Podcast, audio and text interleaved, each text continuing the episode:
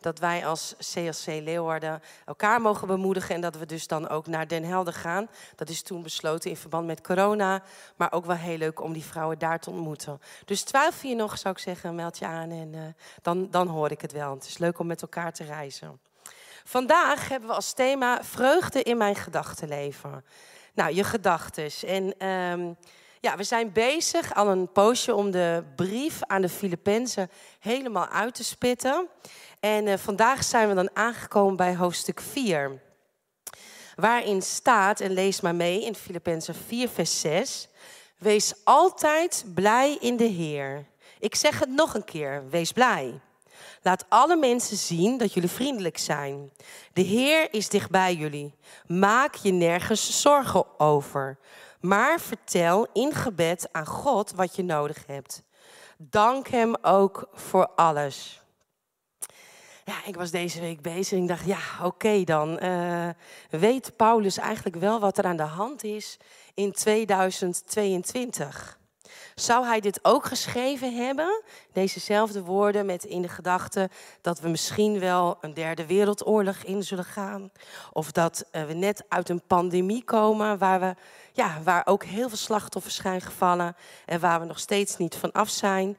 Deze week zijn beide Jelmer en uh, Nicola geveld door corona. Dus vandaar dat er ineens allemaal dingen geregeld moesten worden voor vandaag. Want beide waren niet aanwezig. En ik, ik dacht, ja, weet je, um, het klinkt zo makkelijk of zo. Wees blij, ik zeg het je, wees blij, is niet wat goedkoop? En uh, ik weet wel dat er tijdens deze serie vaak gezegd is dat Paulus op het moment van schrijven in de gevangenis zat. Maar ik vroeg me dan wel een beetje af, ja, ik weet niet hoe jullie dat hebben, maar ik had er best nog wel een beetje een romantisch beeld bij of zo.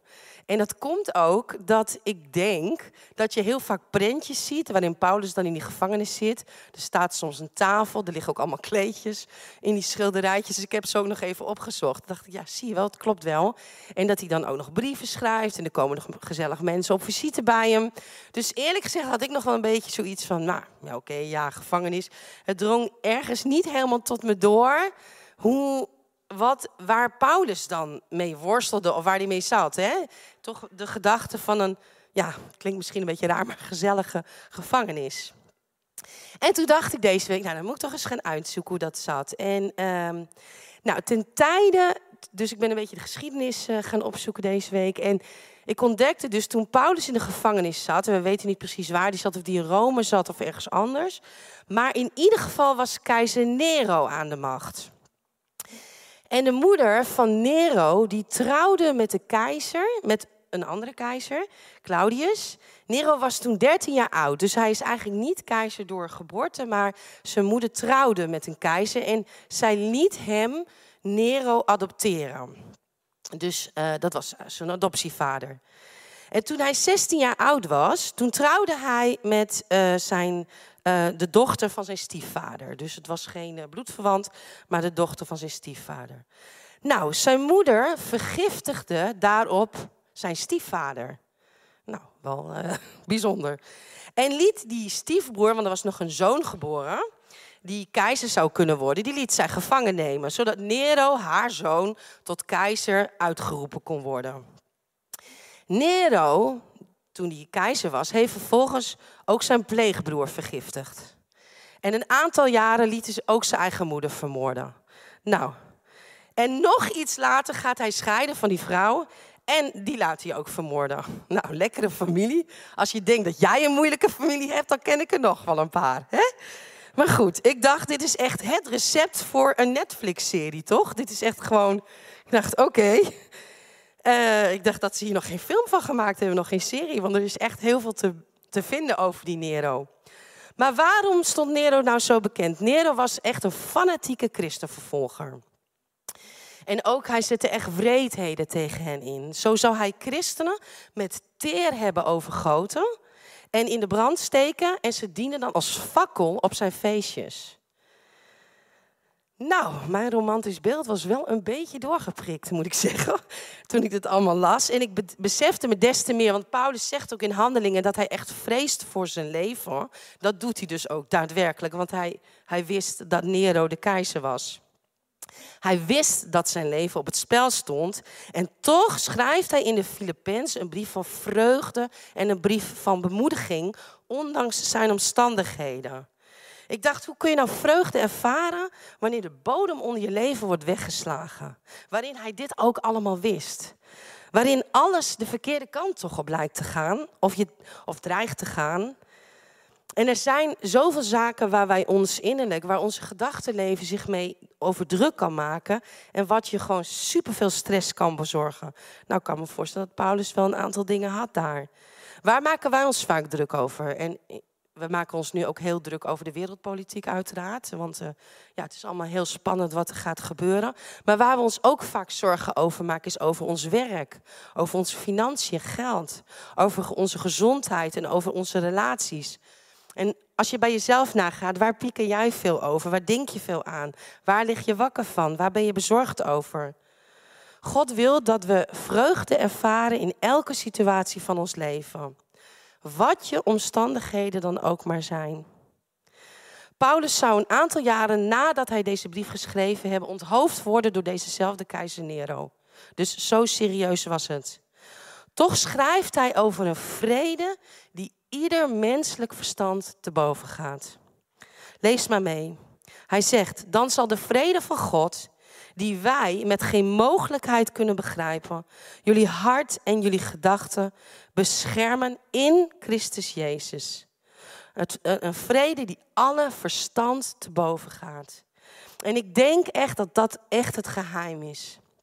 Dat het, dat het werkelijkheid kan worden, maar alleen als je met God gaat leven. Dan is jouw leven namelijk niet meer een speelbal van omstandigheden en van negatieve gevoelens. Dat je alleen, en dat je alleen maar vreugde kan ervaren als alles in je leven meezit. Maar wat als er dan stormen en problemen op je afkomen, want die komen er, hoe houd je dan stand? Heb je dat wel eens ervaren dat je misschien in een hele moeilijke situatie zat en dat je dan dacht van, oh, ik zou hier echt heel erg opgefokt van zijn en dat ben je dan niet. Dan denk je, hoe kan het nou dat ik hier zo rustig onder blijf? En dat je denkt, hier zou ik toch echt wel van wakker moeten liggen. En je, je ervaart dan dat het anders is. Het is alsof je er bovenuit getild wordt. Er staat dan ook dat we het niet kunnen vatten of begrijpen. We kunnen dat niet vatten. Er wordt bedoeld dat het ons menselijke bevattingsvermogen te boven gaat. We kunnen toch ook niet begrijpen dat Paulus zo'n brief schrijft als dat hem boven het hoofd hangt. Dan kun je toch niet voorstellen dat hij een brief gaat schrijven over vreugde, bemoediging. Wees blij en nog eens een keer wees blij. Dat snappen we gewoon niet met ons verstand. Het is namelijk bovennatuurlijk. Het, is, het kan echt alleen maar door de Heilige Geest. Hij eindigt deze zin ook met in, of in Christus Jezus. Dus alleen maar als we met Hem verbonden zijn, dan kun je die vrede ervaren. Daarmee onderstreept hij dat alleen de geloofsverbondenheid met Christus, de gevoelens en gedachten van gelovigen worden beschermd. Door de vrede van God tegen bezorgdheid, onrust, teleurstelling. En beschermen, dat kan dan ook vertaald worden in bewaken. Zoals Romeinse soldaten een fort bewaken. En dat is wel mooi, hè? Dat beeld van een bewaker. Want ik las ook in een, uh, in een uitleg van de Filipijns dat er echt een schild voor je hart wordt opgetrokken. Ik dacht, ja, zodat die pijnen je eigenlijk niet raken. Dus dan zou het wel moeten raken, maar dat, het komt niet binnen. Ik heb ook een foto gevonden wat ik heel mooi vond. Uh, wat eigenlijk een beetje voor mij, zeg maar, uh, laat zien. De Filipijnse brief eigenlijk voor mij laat zien. En het is een hele bijzondere foto. Het is gemaakt in 1989 door een hele bekende fotograaf, wereldberoemde fotograaf. En in 1989 was er een hele grote storm in Bretagne. De golven sloegen tot 30 meter hoog. Hij is met een helikopter over de zee gegaan. En je ziet die vuurtoren, die staat daar standvastig. Hè? Die blijft staan, ondanks die storm. En je kunt daar beelden van terugvinden op internet. Dat echt, de golven echt, die sloegen zelfs over die vuurtoren soms heen. Deze eh, vuurtoren in eh, Bretagne is heel bekend geworden door deze foto. Maar wat zo bijzonder is, dat je daar die man naar buiten ziet komen. Heel klein, ik hoop dat jullie het kunnen zien. En dat hij dan gaat staan kijken, want hij hoorde die helikopter naar is gaan kijken. En ik denk, dit is ook wel hoe de Filipijnse brief voor mij, wat voor mij illustreert van we blijven staan op die rots, ondanks die stormen. Want die stormen komen er, die golven komen er. Maar we laten ons niet meesleuren door die golven. We blijven staan in die vuurtoren. We blijven staan op de rots, op Jezus Christus. In de brief aan de Filippenzen geeft Paulus ook handvaten hoe we die, die vrede en vreugde dan kunnen ervaren. En dit klinkt heel simpel, maar het is super moeilijk om te doen. Hij geeft ons vier, vier hand, handvaten.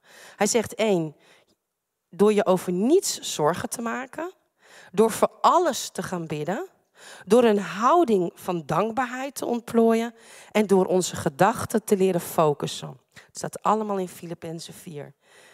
Nummer 1. Weiger om je, om je ergens zorgen over te maken. Laten we lezen in Filippenzen 4, vers 6.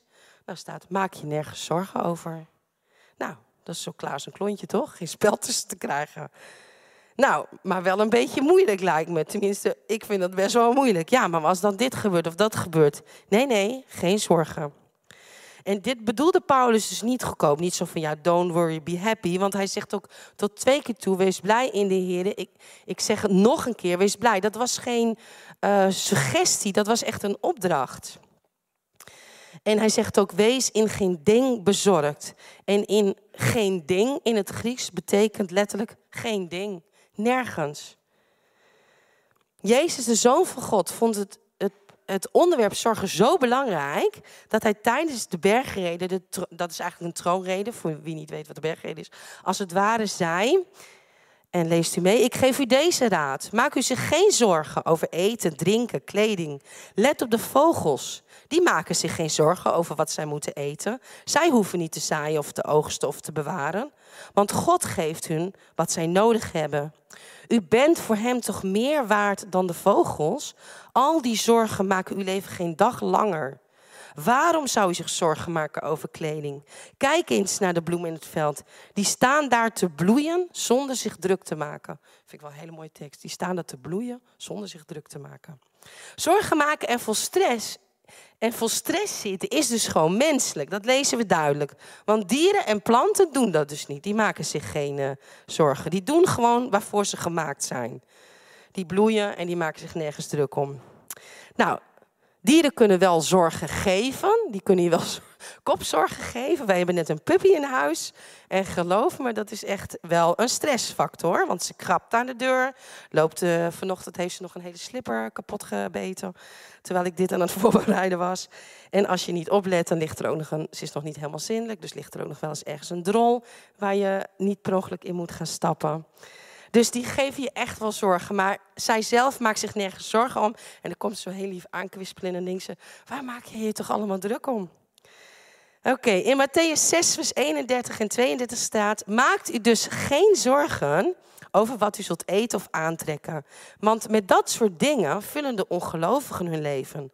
Hun hemelse vader weet heel goed wat u allemaal nodig heeft. Dus als je je dat bedenkt, de hemelse vader weet heel goed wat jij vandaag nodig hebt.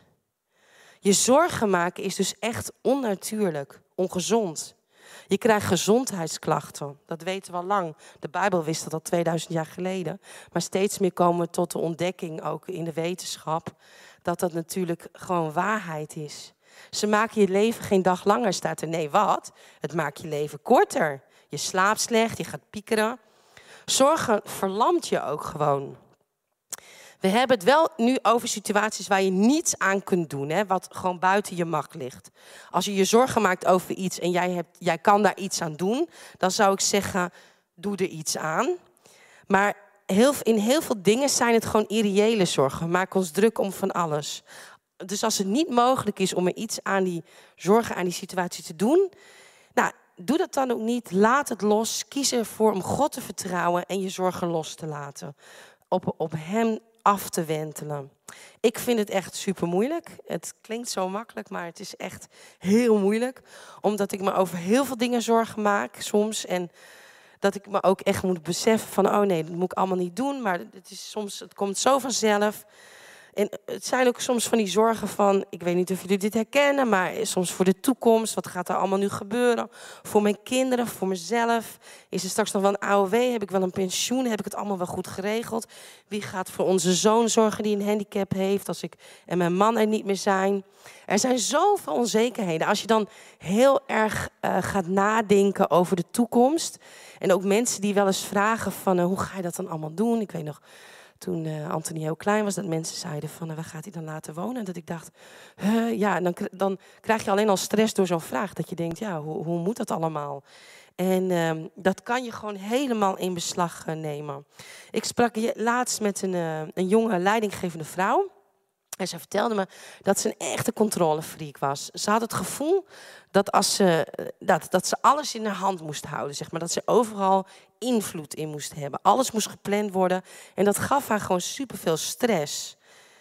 En dan werd ze ook, als ze dat niet had, als ze het gevoel van controle niet had, dan werd ze echt overvallen door angst. En dat leidde bij haar ook tot paniekaanvallen. Dus die had ze dan ook geregeld. En ze vertelde me, ze zei, en ik was op een dag, ging een keer met de kinderen naar Madurodam.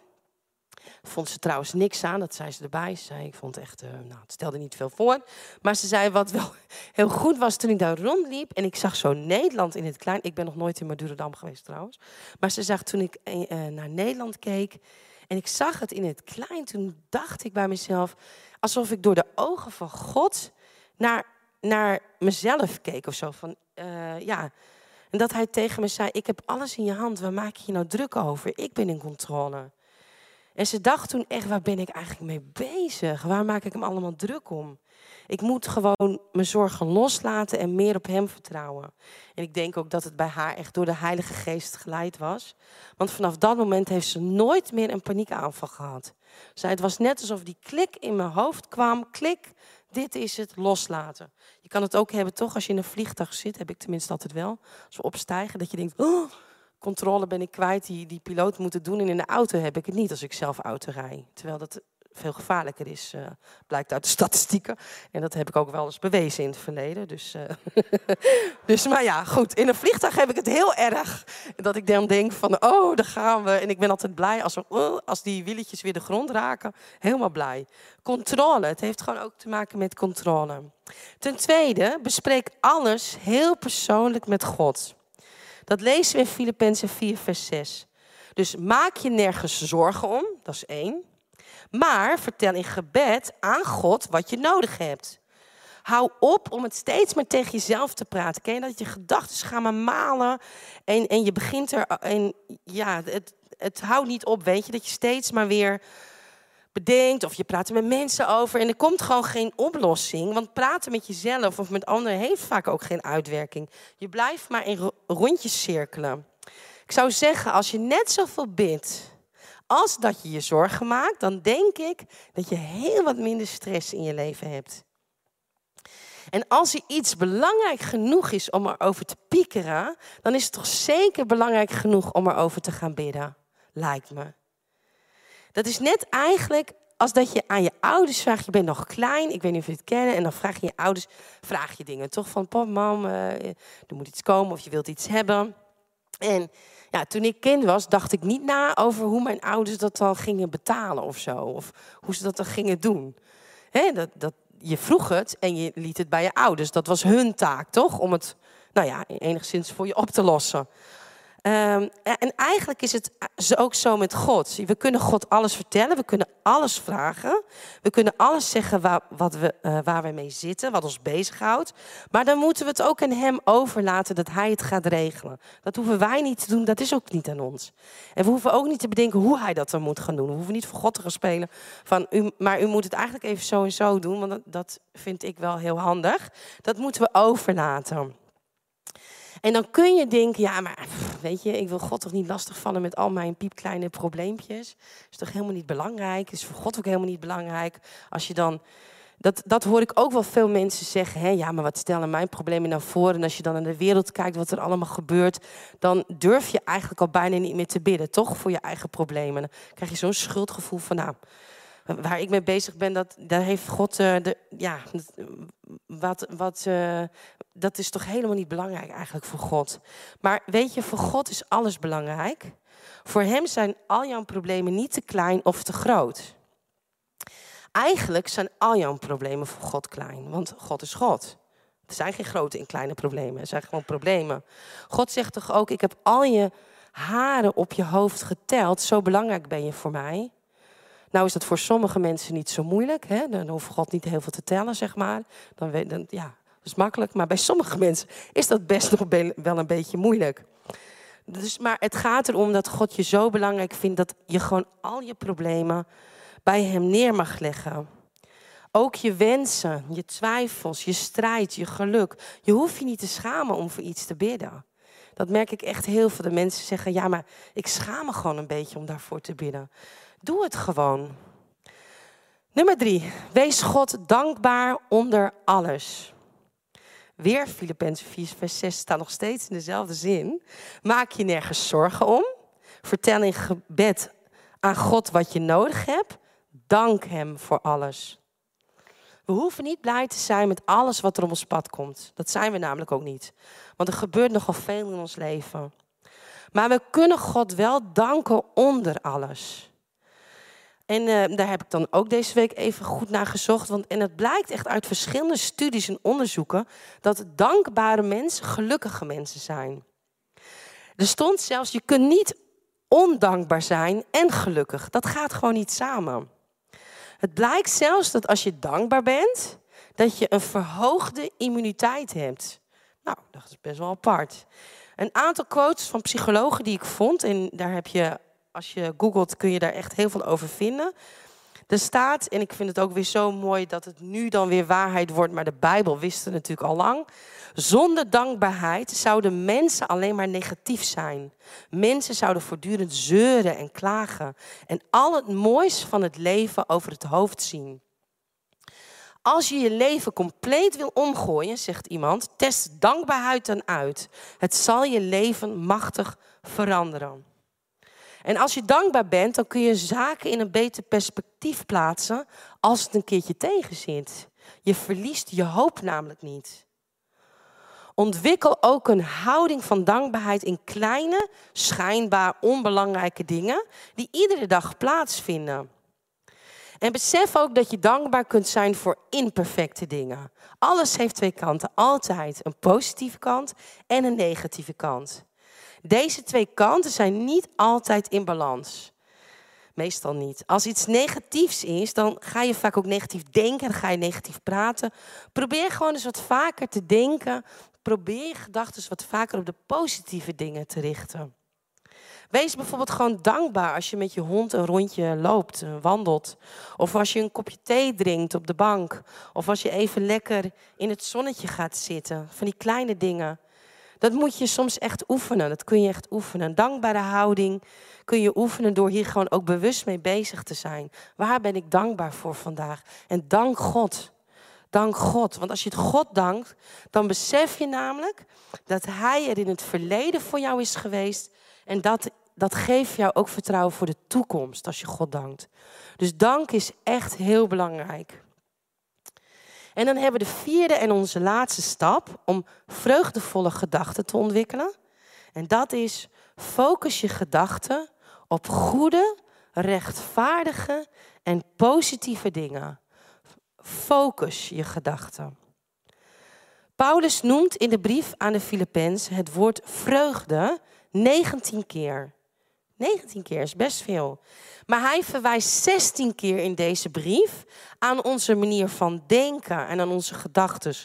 Dus Paulus wist dat de vreugde en je manier van denken met elkaar te maken hebben. Daar is een link, daar is echt een connectie. Er is namelijk een strijd gaande in jouw gedachtenleven. Alles wat je vreugde weg zou kunnen nemen, dat vindt plaats hier, tussen jouw twee oren. Waar jij je gedachten mee voedt, zal bepalen hoeveel vreugde jij zult ervaren in je leven. En als je die vreugde wilt gaan ervaren, dan moet je dus controleren wat er binnen gaat komen. Weet je, wat je in je denken toelaat, dat komt eruit. Dus het is echt heel belangrijk, Paulus zegt het niet voor niets, richt je aandacht op andere dingen. Dus richten, dat moet je echt zelf doen. Daar moet je zelf heel bewust mee bezig zijn. Het kan zijn in je relaties, dat kan zijn in je gezondheid, je geestelijk leven. Het kan, het kan allemaal besmet en vervuild raken door hoe jij denkt. Sta je positief op? Als jij ochtends uit je bed komt en je gaat even nadenken over je eigen gedachten.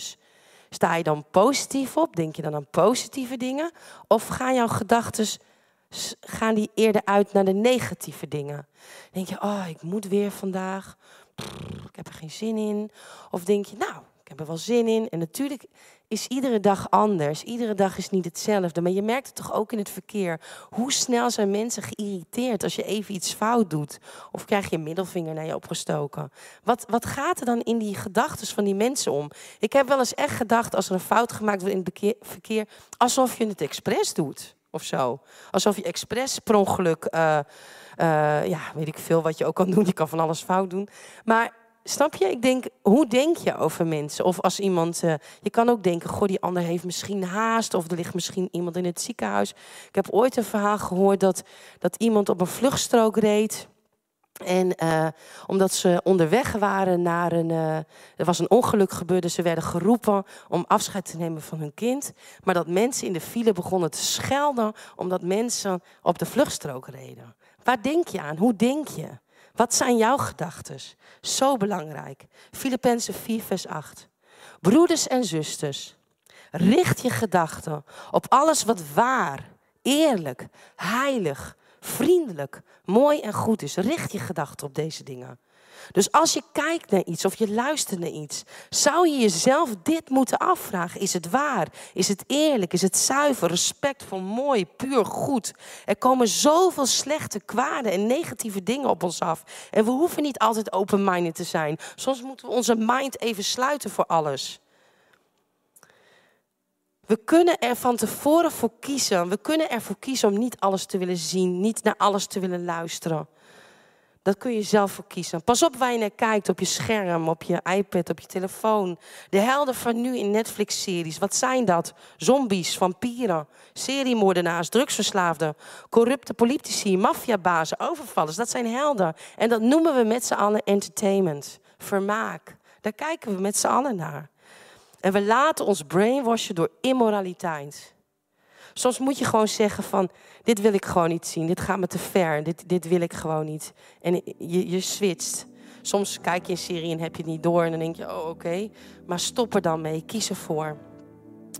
Jij, jouw gedachten zijn niet tolvrij. Dus wat, waar voed je je mee? Waar wonen jouw gedachten? Wonen die in het licht of wonen die in de duisternis? Is het mooi en eervol waar jij over praat en denkt, puur en vriendelijk? Om slechte gedachten uit je hoofd te bannen, moet je namelijk daar iets voor in de plaats zetten. Er moeten goede gedachten binnenkomen. Het is zo belangrijk, want een verkeerde manier van denken leidt tot verkeerde gevoelens en tot verkeerde daden. Want dat is het gevolg. We zijn verantwoordelijk voor wat we toelaten in de wereld van onze gedachten. Daar ben jij zelf verantwoordelijk voor. Verspil je vermogens dus niet aan gedachten die jouzelf, en dat kun je natuurlijk ook doen, jezelf naar beneden halen. Er zijn ook heel veel mensen goed in. Of anderen, anderen naar beneden halen. Maar richt je gedachten op het goede, positieve, reine, alles wat mooi, alles wat lof verdient. En als je als je dit gaat toepassen, en dat is dan wel mooi, want ik zei, dan zal de vrede van God, hè, dan als, wat moeten we doen? Als we dit doen, dan zal die vrede van God. Dus maak je geen zorgen over niets. Bid voor alles. Heb een houding van dankbaarheid. Ontwikkel dat. En leer je gedachten te vogels.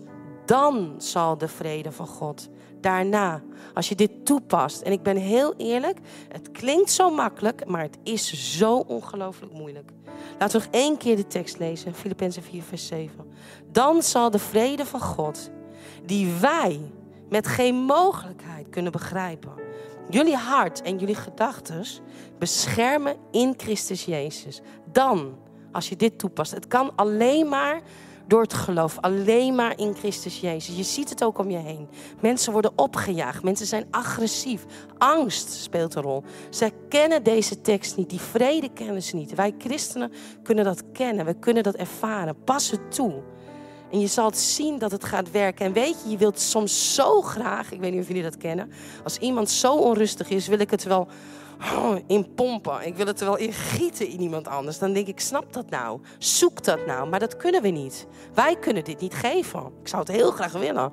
Ik zou heel graag mensen die zo onrustig zijn, dit willen geven. Van joh, als je, als je dit doet, mensen willen soms ook niet luisteren. Of ze weten het niet. Moeten wij het ze vertellen? Moeten ze dichter naar de Heer brengen. Maar je wilt het ze zo graag geven. Maar het kan niet, want het kan alleen maar door de Heilige Geest. En ik denk ook vanochtend, als je dit niet ervaart.